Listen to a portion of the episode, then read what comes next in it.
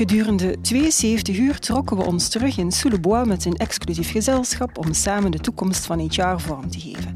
Vijf thema's, vijf rondetafels, voor jou samengevat in vijf podcasts. Voor de gelegenheid in de wijnkelder. Welkom bij HR Uncorked.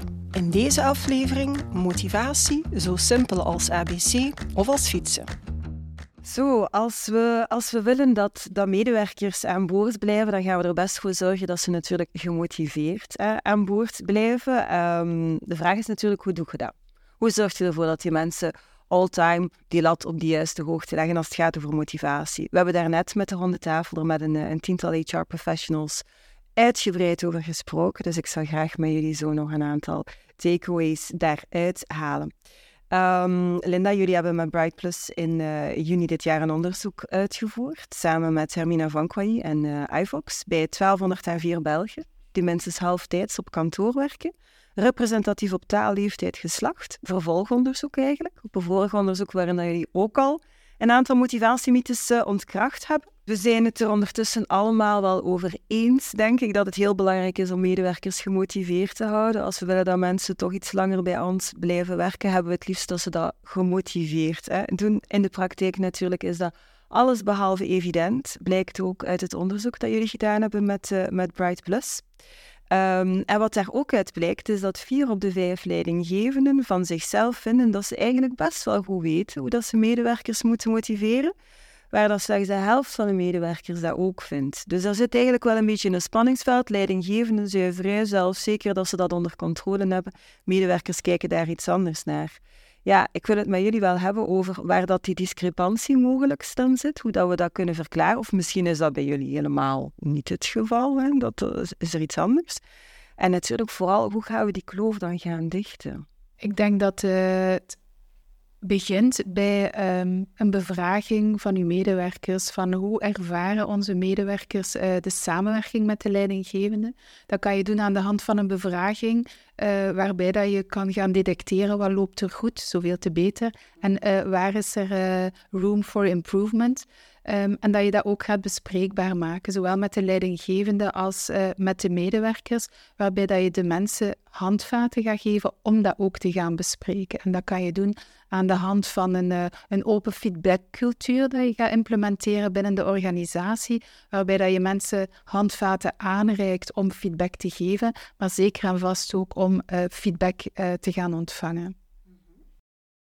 Ja, ik weet eigenlijk niet of die zelfzekere leidinggevenden allemaal bij ons aanwezig zijn in de organisatie. Ik denk dat bij ons mensen wel durven aangeven. Ik vind dat best moeilijk om leiding te geven en ik, ik zoek daar extra ondersteuning of, uh, of coaching in. Um, dus we proberen ook die drempel zo laag mogelijk te maken voor leidinggevenden om aan te geven op welke vlakken wil ik mij nog verder ontwikkelen. Want ik denk, leidinggevende skills is een hele set van vaardigheden. Die kan je niet allemaal op één dag uh, ontwikkelen ik denk ook het, het, creëren van een gemeenschappelijke taal om feedback in te kunnen geven. Um, is dat insights kleuren? Is dat de waarde van een bedrijf waar rond dat je uh, feedback gaat geven over wat zijn gedragingen die we goed vinden in onze organisatie en graag zien terugkomen? Wat zijn dingen waar dat we vinden dat dat niet helemaal past bij ons? Uh, ik denk dat dat ook enorm kan, uh, kan helpen om handvaten te geven om, om gesprekken aan te gaan en, en een rol als leidinggevende sterker op te nemen. Ja, die gemeenschappelijke taal volg ik, uh, volg ik volledig. En ik denk dat dat ook een stukje gelinkt is aan uh, transparant en helder communiceren. Uh, ik denk dat het heel belangrijk is als leidinggevende om heel duidelijk te zeggen wat je verwacht van je medewerker. Ehm, en misschien vaak denken, het is heel helder wat er dient te gebeuren, wat, wat, wat er moet gebeuren. Maar dat het misschien daarom niet voor de medewerker altijd even helder is. En dan komen we een stukje bij het feedbackverhaal, zoals Linda vertelt. En het vervolgens ook niet durven te zeggen dat het niet helemaal helder is uh, wat de leidinggevende verwacht uh, of, of, uh, of bedoelt. Dus ik denk daar helder communiceren wat je verwacht, tegen wanneer je wat verwacht, dat dat ook wel belangrijk is om, om, uh, om misschien die kloof wat kleiner te maken. Een stuk, ja. te, gaan, een stuk te gaan dichten. En nu uh, het belang van een feedbackcultuur om mensen te laten groeien, om mensen gemotiveerd te houden, dat, blijkt uit, uh, dat bleek uit de gesprekken, dat blijkt ook uit het onderzoek. Maar als je dan nagaat, wat ook uit het onderzoek blijkt, is dat één op de vier respondenten er wel alles aan doet om kritiek, zo noemen ze het, van anderen, van leidinggevenden en van collega's te vermijden. Opvallend is dan dat het woord kritiek valt. We hebben het over een open feedbackcultuur om te groeien. Mensen ervaren het precies eerder als kritiek. Hoe kunnen we ervoor zorgen dat het niet als kritiek ervaren wordt? Nu, feedback, het woord feedback heeft uh, een negatieve connotatie. Dus uh, daar uh, start het ook met aan te geven dat feedback is breakfast for champions. Eh. Feedback geef, is eigenlijk een opportuniteit om te gaan groeien. Het is een cadeautje, zoals dat we zeggen. Um, en um, dat moeten we echt wel gaan omarmen. Um, die, die cultuur gaan, gaan bewerkstelligen waarbij dat mensen feedback zien als een opportuniteit om effectief mee aan de slag te gaan.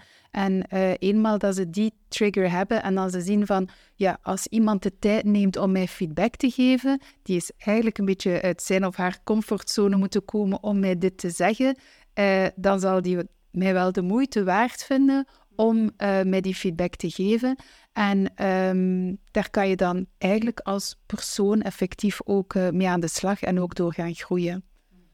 Ik denk ook de manier waarop feedback gegeven wordt, uiteraard, dat heel belangrijk is. En dat we daar als HR, onze leidinggevende, heel goed in kunnen coachen en, en begeleiden. Um, en ten tweede, de, de, de intentie uitspreken richting je medewerker, dat je intentie positief is. Misschien is de feedback niet meteen positief of eerder constructief, maar dat jouw intentie wel, wel positief is. Dat dat ook wel belangrijk is om dat misschien expliciet te benoemen. Ik denk inderdaad dat je van die negatieve connotatie van dat woord feedback af moet. Feedback is een, een, een gift, hè. het is een cliché, maar ik denk dat je dat inderdaad zo moet, uh, moet zien. Um, en ik denk dat ik moest aan twee dingen denken. Uh, het eerste is dat zelfinzicht creëren ongelooflijk belangrijk is. Van op welke manier geef ik feedback? Waarom vind ik dat moeilijk? Um, en vanuit dat zelfinzicht is het een stuk gemakkelijker om je kwetsbaar op te stellen en, uh, en die feedback aan, uh, aan de medewerker te geven. Dus die gemeenschappelijke taal daarin een stuk creëren kan, kan helpen. Um, en in het positief draaien, als 1 op 4 het ziet als kritiek, dan ziet 3 op 4 het wel al als een gift. En vertrek als leidinggevende vanuit die ingesteldheid. Mm -hmm. Ik heb drie kansen op vier dat dit wel op een goede manier landt. Um, en dan ga je daar wel vlotter en vlotter in worden uh, om ook die vierde persoon het niet als kritiek te laten zien, maar als een, uh, als een geschenk te laten zien. En feedback is natuurlijk niet alleen als iets niet goed gaat of als iets anders zou kunnen. Feedback is ook als het wel goed gaat, als je iets goed doet, uh, dat je dat compliment gaat geven. Dat is ook feedback.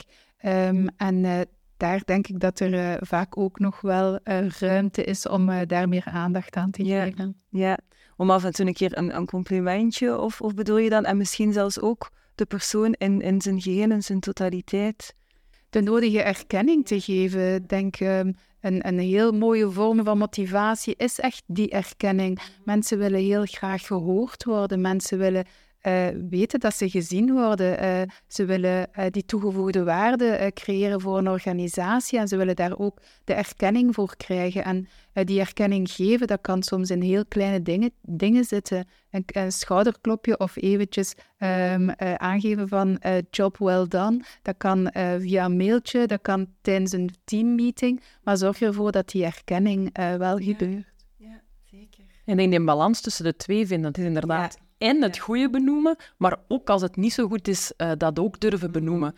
Want ik denk dat in allebei een gevaar schuilt als je te veel of te weinig uh, doet. Ja. Dus uh, die goede balans daarin vinden is, uh, is belangrijk. Ja, ik vond er, er is een mooi woord voor, zo, een culture of candor.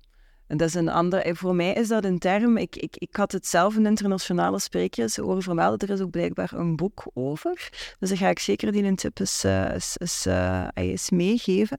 Maar het komt er hem op neer dat je een, een cultuur hebt waarin elke vorm van feedback als, als waardevol eigenlijk En dat je alles kunt benoemen. En dat je dus ook zaken die minder goed gaan, kunt benoemen, omdat iedereen vanuit een heel positieve inzicht daarnaar kijkt, dat altijd is met de bedoeling om te groeien. Maar ik vind candor het feit dat kritiek ook al een keer wat scherper mag zijn en dat dat aanvaard wordt en dat mensen ermee aan de slag gaan, dat vind ik eigenlijk een heel mooie, een heel mooie term.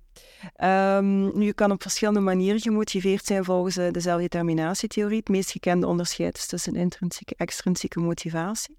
Maar de zelfdeterminatietheorie maakt nog een extra onderverdeling binnen die uh, extrinsieke motivatie. Je kunt interne dwang of externe dwang um, ervaren externe dwang vanuit een beloning. Interne dwang is eigenlijk druk dat we onszelf heel erg hard opleggen. Um, en wat eigenlijk zelfs ziekmakend is. Hè? Want het kan, het zou een voorspeller zijn voor burn-out. Uit jullie onderzoek blijkt dat bijna 6 op de 10 respondenten werkt omdat iets in zichzelf hen dwingt om hard te werken. Dus dat is echt die interne dwang. meer dan één op vier voelt zich schuldig als ze vrij afnemen. Ik bedoel, dat is, geen, dat is niet meer gezond, hè? dat willen we niet. Wat kunnen leidinggevenden dan al doen om dit te voorkomen? Ik denk dat het heel belangrijk is om uh, inzicht te geven in die vormen van motivatie. Enerzijds heb je, je hebt ze net benoemd, die low-quality motiva motivatoren, zijn die, die externe druk. Dat, een, dat kan een beloning zijn, maar dat kan ook een straf zijn. Die interne uh, druk, dus ik, ik, ik doe iets omdat ik anders beschaamd ben of ik ga mij schuldig voelen. Um, en die moeten we uh, bekijken naast uh, die high-quality motivatie. En de eerste vorm is intrinsieke motivatie, waarbij dat je echt iets doet omdat je het leuk vindt, omdat je daar goestingen hebt. Maar als werkgever heb je daar eigenlijk geen impact op. Ik kan niet zeggen uh, tegen jou van, vind deze podcast ja. opnemen nou leuk. Um, dat moet iets zijn dat je, dat, dat je zelf leuk vindt, of dat moet vanuit jou komen. Um, maar een um, vorm van motivatie waar je als werkgever wel impact op hebt, is de um, zinvolheid van iets. Je kan als werkgever aantonen aan een medewerker of toelichten waarom een taak zinvol is, waarom iets belangrijk is, waarom iemand uh, door een bepaald project te voltooien toegevoegde waarde gaat bieden. En als mensen voelen van oké, als ik dit doe, dan ga ik hier wel uh, waarde gaan creëren voor anderen, voor de organisatie, dan uh, gaan ze, gaat die motivatie ook omhoog gaan. Daarnaast is het ook heel belangrijk om uh, als leidinggevende te gaan detecteren um, als iemand uh, die, die uh, low-quality motivatie ervaart, om te kijken of dat je dat kan gaan detecteren en dat proberen een stukje te gaan weghalen. Uh, als je ziet dat iemand zich uh, schuldig voelt omdat hij een opdracht niet op tijd heeft kunnen, uh, kunnen opleveren, um, en daar zijn allerlei redenen voor, en die persoon schaamt zich daarvoor, voelt zich daar schuldig over, ga ook in gesprek en geef ook aan, het is oké dat je dat niet behaald hebt, we gaan, een, we gaan het herbekijken en we gaan een nieuwe deadline afspreken. Dus toon dat begrip, ga in gesprek en zorg dat je probeert om dat schuldgevoel of die schaamte uh, weg te nemen uh, bij de mensen. En dat is niet alleen de taak van de leidinggevende, maar dat is de taak van iedereen binnen de organisatie. Uh, leidinggevenden ten aanzien van hun medewerkers, maar ook medewerkers onder elkaar. We, we zeggen dikwijls bij Bright Plus, je bent verantwoordelijk voor het geluk of het succes van de collega die naast jou zit. En ik vind dat een heel belangrijke, omdat je ook wel oog moet hebben van hoe voelt mijn collega zich vandaag. Um, ik zie dat daar ergens iets springt, ik ga eventjes de tijd nemen om in gesprek te gaan en te gaan kijken van oké, zit daar iets van schuld, druk uh, uh, of wat dan ook en maak dat bespreekbaar. Uh, en als je zelf niet tot een oplossing kan komen, bekijk samen hoe dat je dat kan bespreken met de leidinggevende. Dus voor mij is dat echt wel een wisselwerking die in alle richtingen werkt. Um, en waarbij dat de goede communicatie, open, transparant en eerlijk cruciaal zijn. Ja, en ik denk effectief goede communicatie, maar ook goede observatie. Als in, als je ziet dat een werknemer uh, zich niet goed voelt, die gaat dat misschien niet per definitie uitspreken, maar het kan zijn dat hij wat vaker afwezig is of dat hij in een vergadering stiller is dan dat hij gewoonlijk is. Ik denk dat dat ook momenten zijn of kansen zijn als leidinggevende om, om daarop in te pikken en met die medewerker in gesprek te gaan en te vragen: Ja, ik zie dat je een beetje afwezig bent.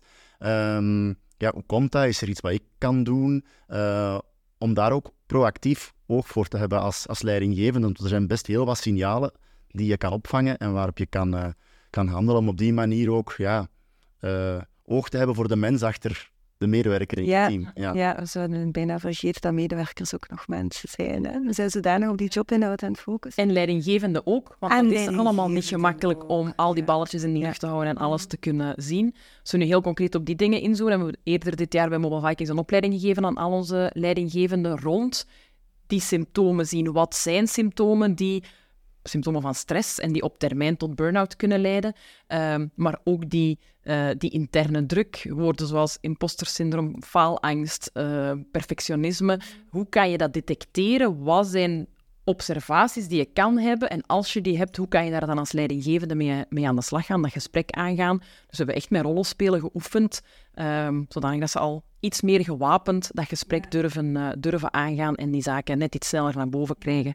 Um, voordat het... Waarmee dat je dan uiteindelijk aangeeft, dat is een belangrijke taak dat, voor HR, om leidinggevenden daarin een stukje dan te ondersteunen. Want je zegt wij, dus wij is dan veronderstel ik vanuit jouw rol binnen, binnen HR. Zijn er nog zaken die HR kan doen om leidinggevenden daarbij te ondersteunen? Of misschien om medewerkers een stukje daarin te helpen of te begeleiden? Ja, ik denk een belangrijk motto binnen Bright Plus is ook uh, mensen spreken met mensen, niet over mensen.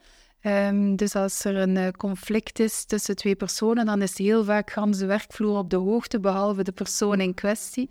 Uh, dus daar is heel belangrijk dat we uh, mensen gaan mee begeleiden van oké, je hoeft dat gesprek niet aan te gaan met jouw leidinggevende, die gaat het niet oplossen voor jou, maar de leidinggevende die kan die persoon wel helpen van oké, okay, ga dit gesprek nu rechtstreeks aan en hoe kan je dat gaan voeren zodanig dat dat op een, op een constructieve manier gebeurt.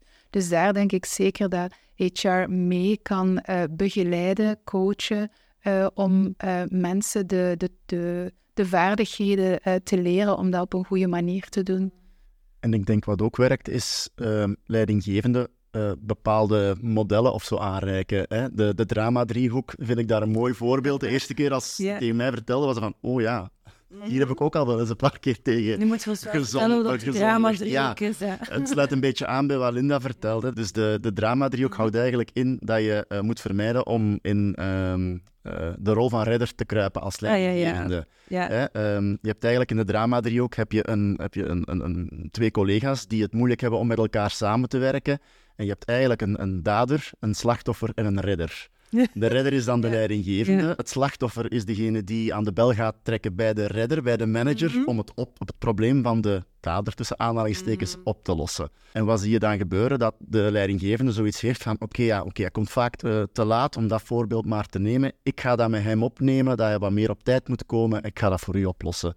Um, die gaat in gesprek met die andere medewerker, benoemt het probleem uh, en... Um, denkt daarmee het probleem op te lossen. Misschien gaat die persoon vanaf dan wel op tijd komen, maar daar is wel een soort vertrouwensbreuk ontstaan tussen die twee collega's, want uh, ja, waarom heb je dat gewoon niet rechtstreeks met mij uh, besproken? Dus dat is de drama. De drama-driehoek, die, ga, die gaan we zeker meenemen. Nu, we hebben, uh, we hebben deze middag uh, het uitgebreid gehad over motivatie. Uh, er zijn ook heel wat takeaways, heel wat concrete tips aan bod gekomen. Ik zou graag ook deze podcast willen afsluiten met een aantal zaken die jullie zijn bijgebleven. Als ik denk aan motivatie, dan denk ik ehm, dat vooral um, moet ingezet worden op die high-quality motivatie, waarbij dat communicatie cruciaal is. Open, eerlijk, transparante communicatie, waarbij dat die feedbackcultuur uh, heel belangrijk is. Maar niet alleen van een leidinggevende ten aanzien van een medewerker, maar ook een medewerker uh, ten aanzien van de leidinggevende en de medewerkers onderling. Dus voor mij is dat echt wel een wisselwerking uh, binnen de organisatie, waar dat iedereen wel dat persoonlijk leiderschap moet gaan tonen en echt wel die verantwoordelijkheid moet gaan opnemen om enerzijds bereid te zijn om die feedback te geven, maar zeker en vast ook om die uh, te gaan ontvangen en die ook te gaan vragen, om op die manier te groeien uh, als persoon. En vervolgens kan je dan ook uh, samen groeien als team en als organisatie. Dat is al bijna een volledige samenvatting van twee uur afgaan zonder de details, maar heel helder. Zouden jullie graag ook nog een takeaway delen? Hebben jullie er iets aan, aan toe te voegen?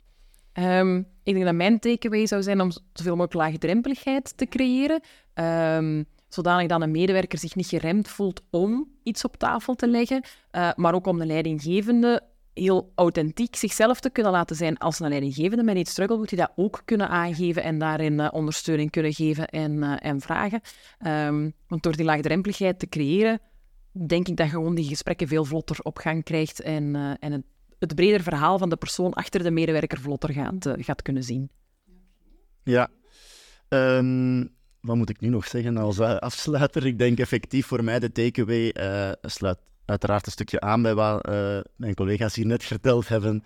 is dat, de, dat feedback geven iets is wat je kan leren, maar wat je vooral ook gewoon moet doen. En ik zou het misschien een stukje vergelijken met, met leren fietsen. Wat in het begin ook heel, heel spannend is als je niet kan fietsen. Uh, maar gaandeweg, hoe meer je het doet, hoe beter je daarin wordt. En ik denk dat dat een beetje hetzelfde is voor uh, het geven van feedback. En hoe meer zelfvertrouwen dat je erop ja. in krijgt, vind ik een mooie vergelijking. Feedback is een beetje als leren fietsen. En daar de podcast mee afsluiten. Heel fijn, heel boeiend. Hartelijk bedankt. Graag gedaan. Plezier.